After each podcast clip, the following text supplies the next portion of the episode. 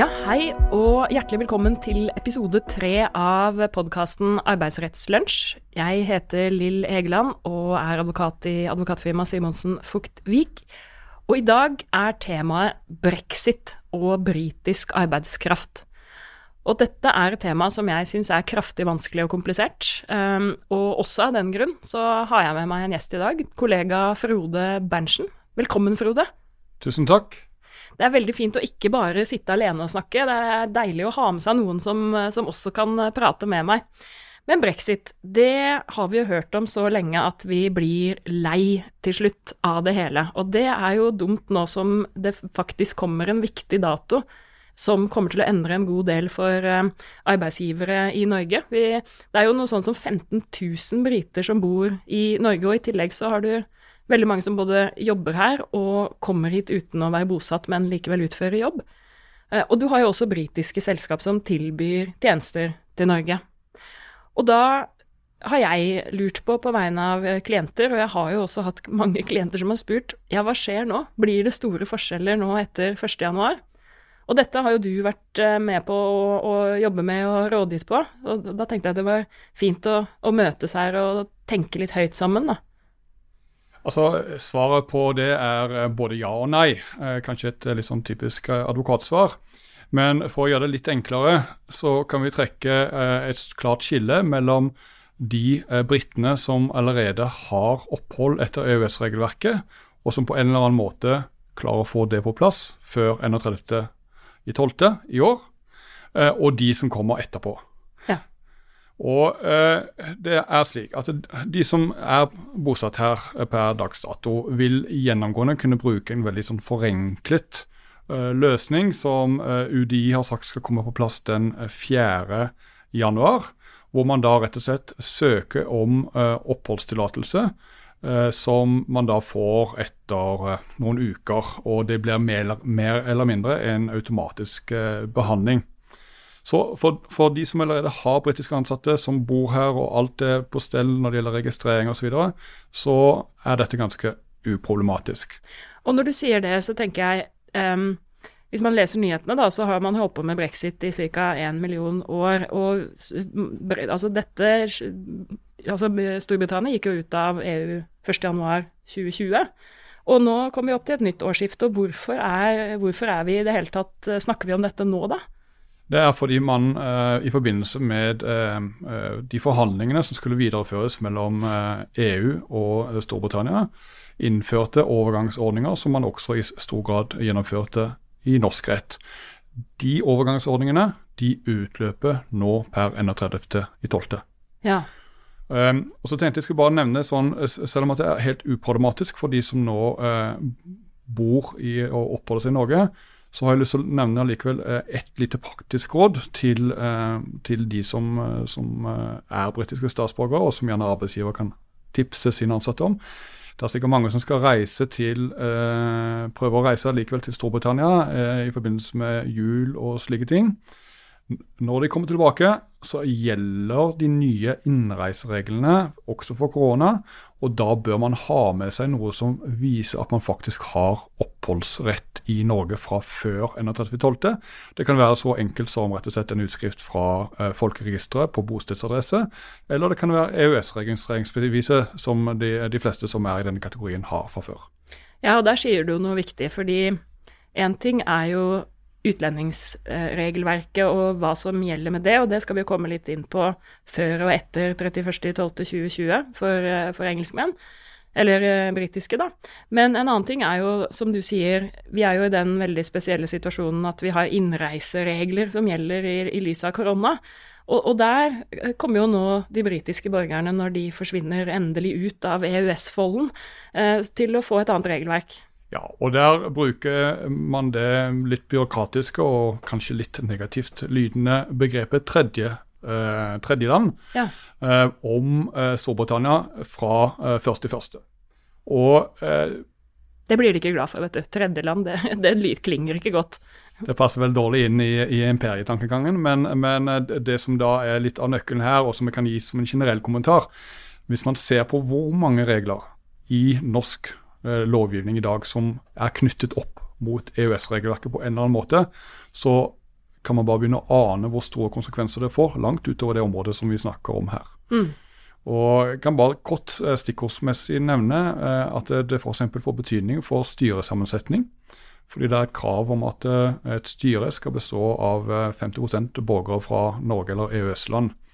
Og inntil vi eventuelt får en handelsavtale på plass, så vil da styremedlemmer fra Storbritannia ikke kunne være, inngå i et, i et uh, styre hvis man ikke passer på at de da er i mindretall. Ja. Ikke sant. Fordi, som du sier, da, eh, de kan jo sitte i styret, men eh, de teller ikke som den kvota man skal ha av x antall EØS- eh, eller norske borgere. Ja, det blir, det blir ordentlig komplisert. Men hvis vi da drar det tilbake til, til dette med, med innvandringsregelverket og koronaregelverket, så har du altså sagt at for de britiske arbeidstakerne eller borgerne som er i Norge, og som har det de trenger per 31.12.2020, så er det ikke så vanskelig, dette her, har du sagt. Det er et viktig unntak fra mm. dette, og det er eh, som gjelder først og fremst britiske selskaper da, som sender arbeidstakere for å gjennomføre en typisk som en tjeneste i Norge. De vil uansett måtte ha eh, en eh, oppholdstillatelse, som da også innebærer rett til å arbeide, fra første. Så de kan, eh, la oss si at de, det finnes kanskje noen selskaper som nå skal levere tjenester fra et britisk selskap med britiske eh, borger, og vedkommende er man har tenkt at vedkommende skal jobbe videre utover januar. Mm. Vedkommende må faktisk stoppe fra 1.1 hvis man ikke har fått på plass oppholdstillatelse innen 1.1. Og det rekker man antagelig ikke nå. Og for å prøve å skille de folka der fra arbeidstakere som er her og jobber generelt, da? Hva, hvor går skillet der da? Hvordan vet du om du er i den ene eller den andre kategorien? Ja, skillet går eh, rett og slett på eh, om du jobber for et britisk selskap, det, er det ene kriteriet. Ja. Og det andre er om at du er utsendt, dvs. Si at du ikke er, er eh, her i Norge på, et, eh, på en eller annen form for lengre opphold for ja. å uh, jobbe i Norge. Du er på utsendings, det vi arbeidsrettsfolk kaller utsendingsdirektiv og utsendingsforskriften, ja. i stedet for den tradisjonelle engelsk-britiske eh, arbeidstaker som er ansatt av et norsk selskap, og som, som, jobber her og har vært her en stund. Helt. Skjønner. Så de eh, må i hvert fall ikke reise hjem til jul uten å ha fiksa og få seg oppholdstillatelse eh, fra første i første. Eh, og har de ikke gjort det nå, så er det litt sent. Det er det nok. Eh, håper å si eh, UDI prøver å få på plass eh, de fleste av denne type søknader innen åtte uker. Det er det de oppgir på sine hjemmesider. Og de klarer stort sett å, overholde det, men hvis det kommer nå et rush med søknader, så kan det nok også ta lengre tid. Ja.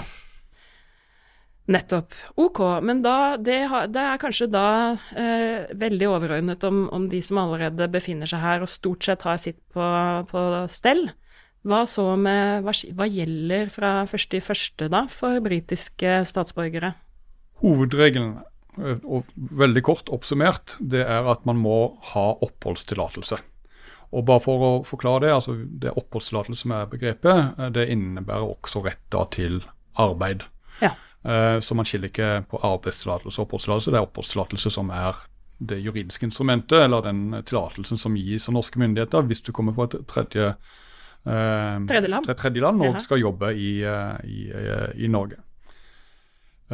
Og spesielt pga. covid-19-situasjonen så er det nesten, med noen få unntak som vi kan komme litt tilbake til, nesten en forutsetning for i det hele tatt å kunne komme inn i landet hvis du ønsker å komme inn i landet etter 1.1 og du ikke har grunnlag for opphold fra før, sånn som vi snakket om innledningsvis. Mm. Så, så hva, hva, betyr det i praksis? vel, det er nå slik at viktig, en viktig endring som, som, kanskje ikke så mange har tenkt på, men for å få oppholdstillatelse etter tredjelandsregelverket, så må man bl.a. være faglært som den store hovedregelen. Mm. Det innebærer at man må i praksis ha videregående skole innenfor en tilsvarende utdannelse som man kan finne en parallell i, til i Norge. Det innebærer også uh, selvfølgelig at man høyskole eller universitet vil jo også selvfølgelig være omfattet.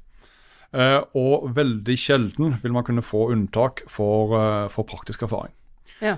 Um, så, så uh, hvis man av ulike årsaker har vært uh, vant med å kunne bruke britisk arbeidskraft, som, uh, som, har erfaring, men som kanskje ikke har den formelle kompetansen på plass, så vil man her nå kanskje stå for en liten utfordring. Og så, når du sier det med, med fagutdannet da, spesialist, så sier du også at den nedre terskelen for hva som er tilstrekkelig utdannelse, er det videregående skole? I praksis så er det faktisk videregående skole, og man sjekker faktisk at man har kompetanse. Og det må være eh, en, en jeg håper å si, tilsvarende faglært kategori eh, i, i, Norge. Ja, så, så, hvis vi da eh, tenker på eh, spesialisert arbeidskraft inn i ingeniører osv., så, videre, så vil selvfølgelig de oppfylle det, det kravet, mens, mens ufaglært britisk arbeidskraft vil kunne slite, eh, ja. hvis ikke de da f.eks. kan dokumentere at de er faglærte i utdanningen sin. da. Og Der kan det være grunn til å si at jeg håper å si, i den grad dette skulle være en aktuell problemstilling, så har man altså fram til eh, nyttår med å prøve å få inn eventuelt arbeidskraft under det gjeldende overgangsregelverket. Ja. Og eh, forutsetningen da er at man faktisk har reist inn til landet og har levert inn eh, søknad om EØS-registrering på UDI sine hjemmesider før eh, egentlig før klokka tolv på, på, nyttårsaften. Nettopp.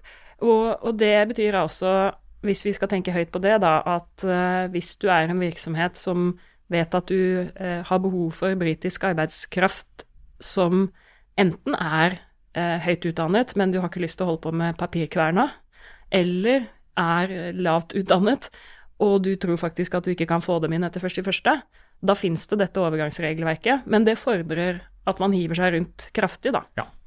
Da er oppfordring sterk og klar. Eh, da bør man legge opp til nyttårsfeiring for vedkommende i Norge. Det er ikke det verste som kan skje, det. Det tenker jeg. Ok, men greit. Og vi er nå mentalt er jeg nå der at jeg har hørt om um, hva som skal til for å komme inn i landet som britisk statsborger hvis du ankommer etter 1.1.2021, og det er en oppholdstillatelse, sier du. Ja. Faglært, og det har du fortalt litt om.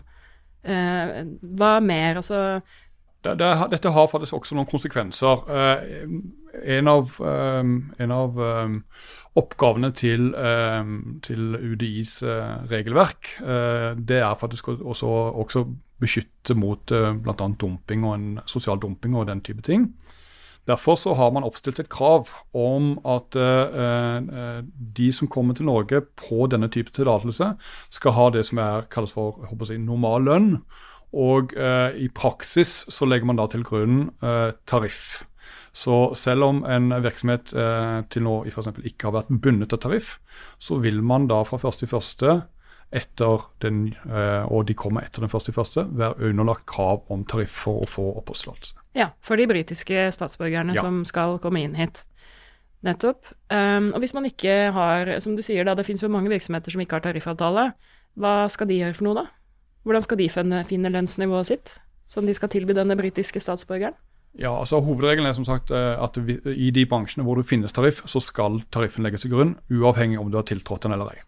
Mm. Eh, for andre områder så må man rett og slett eh, bruke tilgjengelige eh, statistiske kilder. Det kan være at man bruker Statistisk sentralbyrå sine, eller man kan gå inn på ulike f.eks. fagforeninger eller andre organisasjoner som opererer med gjennomsnittslønn. Mm. Men det finnes også sånn, noen nedre rammer for de med videregående utdannelse og de med universitetsutdannelse som er fastsatt i henhold til eh, statens lønnssystem, faktisk. Ja. ja så det, det finnes noen minimumslønn eh, som uansett nesten slår inn som, som bunnivå. Og for veldig mange av kanskje de som hører på denne podkasten, så kan det tenkes at dette nedre lønnsnivået ikke vil bety så mye i, i praksis. Hvis man er en virksomhet som har et uh, greit lønnsnivå for, for sine ansatte, så, så, er det ikke sikkert at dette betyr noe. Men, men um, det finnes jo også bransjer som er avhengig av, uh, av utenlandsk arbeidskraft uh, i den f.eks. restaurant og, og muligens bygg, som kanskje i hvert fall skal, skal, merke seg dette, da. Og selv om detaljene kan være kompliserte, så er det i hvert fall det at det bør ringe en alarmklokke eh, når man da skal hente inn en britisk statsborger, og den alarmklokka skal være ok, det stilles et krav til hvilket lønnsnivå. Ja. La meg finne ut av hva det kan være, tro. Mm, nettopp. Og eh, det er sikkert eh, noen som um som uh, lurer på det, men, men altså, uh, det skilles da mellom uh, henholdsvis bachelorgrad, som er ca. 400 000 i året, og mastergrad, hvor det legges opp til 430 000 eh, som minimumslønn. Så det bør jo være overkommelig i en del bransjer i hvert fall. Og det, disse tallene, hvor eh, kommer de fra? Eh, det er rett og slett eh, UDI som har fastsatt de gjennom en, eh, eh, en rett og slett et rundskriv, ja. hvor de på en måte fastsetter hva som skal være det. Det har de for så vidt hjemmel til i, i utlendingsforskriften. Nettopp. Men er det sånn at man kan søke Hvordan søker man i praksis, da, hvis man er, skal ha folk inn i landet? Det absolutt beste alternativet det er at arbeidsgiver søker på vegne av arbeidstaker. Mm. Um, det gjør at uh, UDI i praksis føler seg tryggere på at dokumentasjonen som sendes inn i forhold til f.eks. For utdannelsesbakgrunn og sånne ting, er sjekket uh, av arbeidsgiver. Um, så uh, man kan da i stor grad basere seg på elektronisk innsending, i hvert fall slik som covid-19-reglene er i dag. Ja. Um, og det som er vanlig da, er at man, eh, man typisk gir en medarbeider uh, en fullmakt til å uh, til å følge opp denne søknaden på vegne av arbeidstaker. Ja, Så arbeidsgiver kan ta på seg hatten og gå inn og fylle inn og hente inn skjemaer og være en koordinator. Der, en annen som kan gjøre det, er det, det kan jo være deg, Frode? Ja, vi har gjort det, og vi har et apparat for å håndtere dette. Og har Eh, selvfølgelig da kjennskap til hva som eh, står på UDIs hjemmesider. Eh, både hvordan det eh, står, og hva som faktisk praktiseres. Ja. Fordi det er ikke alltid helt indre sammenheng mellom de to.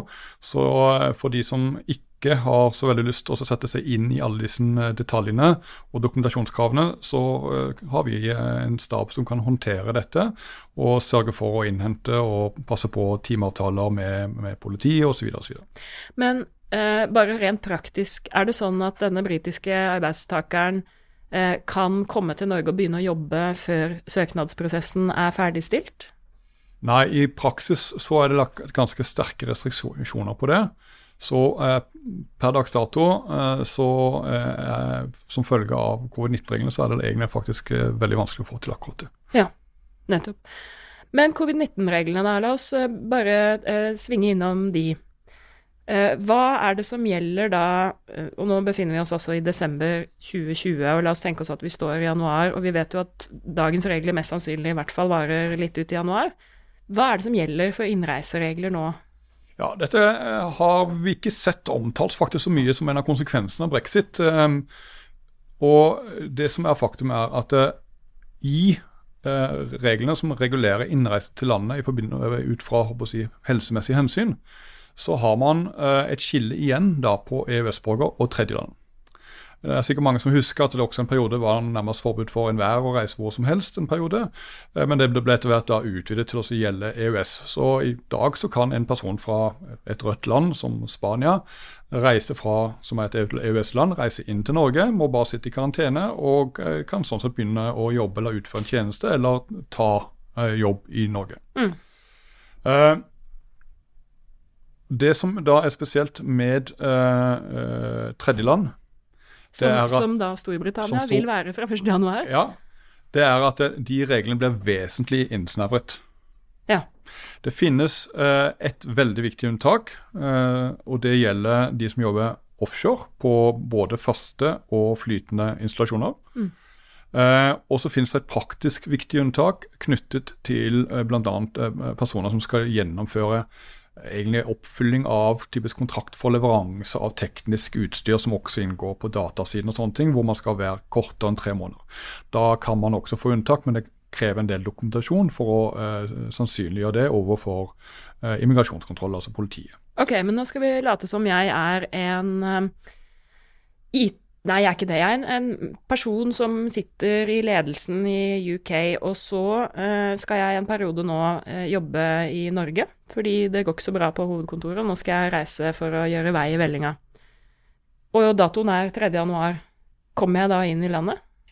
Utgangspunktet er et klart nei. Eh, F.eks.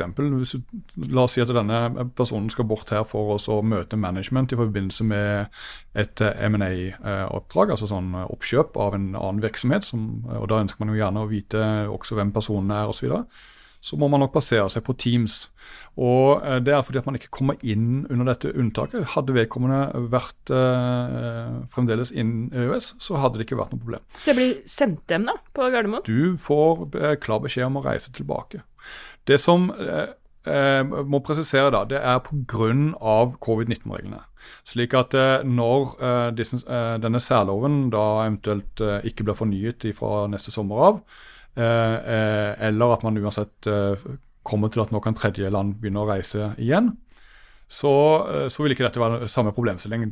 Da er det regler hvor vedkommende regnes for å være visumfri handelsreisende. Men det er altså covid-19-reglene som slår inn og gjør at vedkommende ikke kommer inn, for det, han omfattes ikke av unntakene for tredje, tredjepartsland.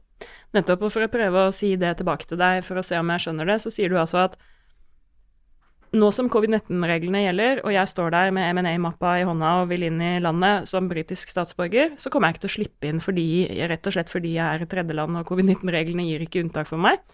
Men eh, ser vi bort fra de reglene, eh, og, og, nå er vaksinen har kommet og vi er klare for alt, ja. så kommer jeg inn under, eh, under, en sånn type forretningsreisende ja. Eh, kortvarig periode. Ja. Så lenge ikke jeg skal bosette meg og jobbe over lang tid. Og Det kan også være grunn til å presisere at en, hvis vi ser bort fra uh, covid-19-reglene, så vil man uh, håper å si, uh, på det tidspunktet det skjer, også ha noe videre avgang, også fra Storbritannia som tredjeland, til å komme inn på kortere oppdrag på inntil tre måneders varighet. Også for leveranser av utstyr og en del sånne ting. Ja, Så det er ikke helt mørkt? Det er ikke helt mørkt hvis vi ser litt lang, lenger fram. Ja. Så ja. Nei, men dette Jeg har jo nå personlig lært veldig mye av det du har fortalt om. Um, du som da har jobba med dette en stund, er det noen andre fallgruver eller annet som du tenker det kan være greit å vite om, når vi først snakker om brexit? For, forhåpentligvis så har selskapene som har offshoreansatte, oversikt over det. Men eh, det er altså slik at det britiske statsborgere eh, fra eh, 1.1. Eh, vil måtte også ha oppholdstillatelse hvis de jobber på eh, det som i eh, forskriftsstand kalles faste installasjoner. Og da minner jeg om at Det inkluderer for så vidt flyttbare installasjoner som er koblet til faste installasjoner, eller andre flyttbare innretninger som brukes til produksjon. Og det eh, dreier seg da om de som kommer etter 1.1.2021. Mens de som er her nå og har get their shit in order by now, de trenger det ikke, eller spørsmålstegn? Nei. Eh, det som er poenget, er at eh, de som har eh, rett til å fly fram og tilbake, typisk bosatt i Storbritannia, jobbe offshore på norsk sokkel Ja, på rotasjonsordninger osv., ja. som jo er veldig praktisk. De, de anses for det som heter grenseboere. Så de er home free uansett? Nei. Nei. De er home free for å fortsette å komme inn i landet, men de må søke på den forenklede løsningen fra 4.1 Eh, og få oppholdstillatelse etter det regelverket. Og så må de kunne sannsynliggjøre at de har da vært på eh, en sånn grenseboerordning fram til nå. og Det kan de gjøre med f.eks. å vise lønnsslipp eh, fra norsk arbeidsgiver, dokumentere x antall reiser eller diverse sånne ting. Det er ikke noe fastsatt dokumentasjonskrav på det, så vidt vi vet per dags dato. Men der også er det samme som jeg nevnte i forhold til Eh, folk som kommer tilbake eventuelt fra eh, juleferie, de bør eh, være klar over at de må kunne dokumentere at de er blant grenseboere. Men det vil som regel nok, tipper jeg, i praksis bli løst ved at man kan vise at man skal reise videre til en offshore-installasjon etter at man har landet da på, på Flesland eller på Sola, typisk. Ja. Nei, men avslutningsvis litt uh, info til uh, offshore-folket der også.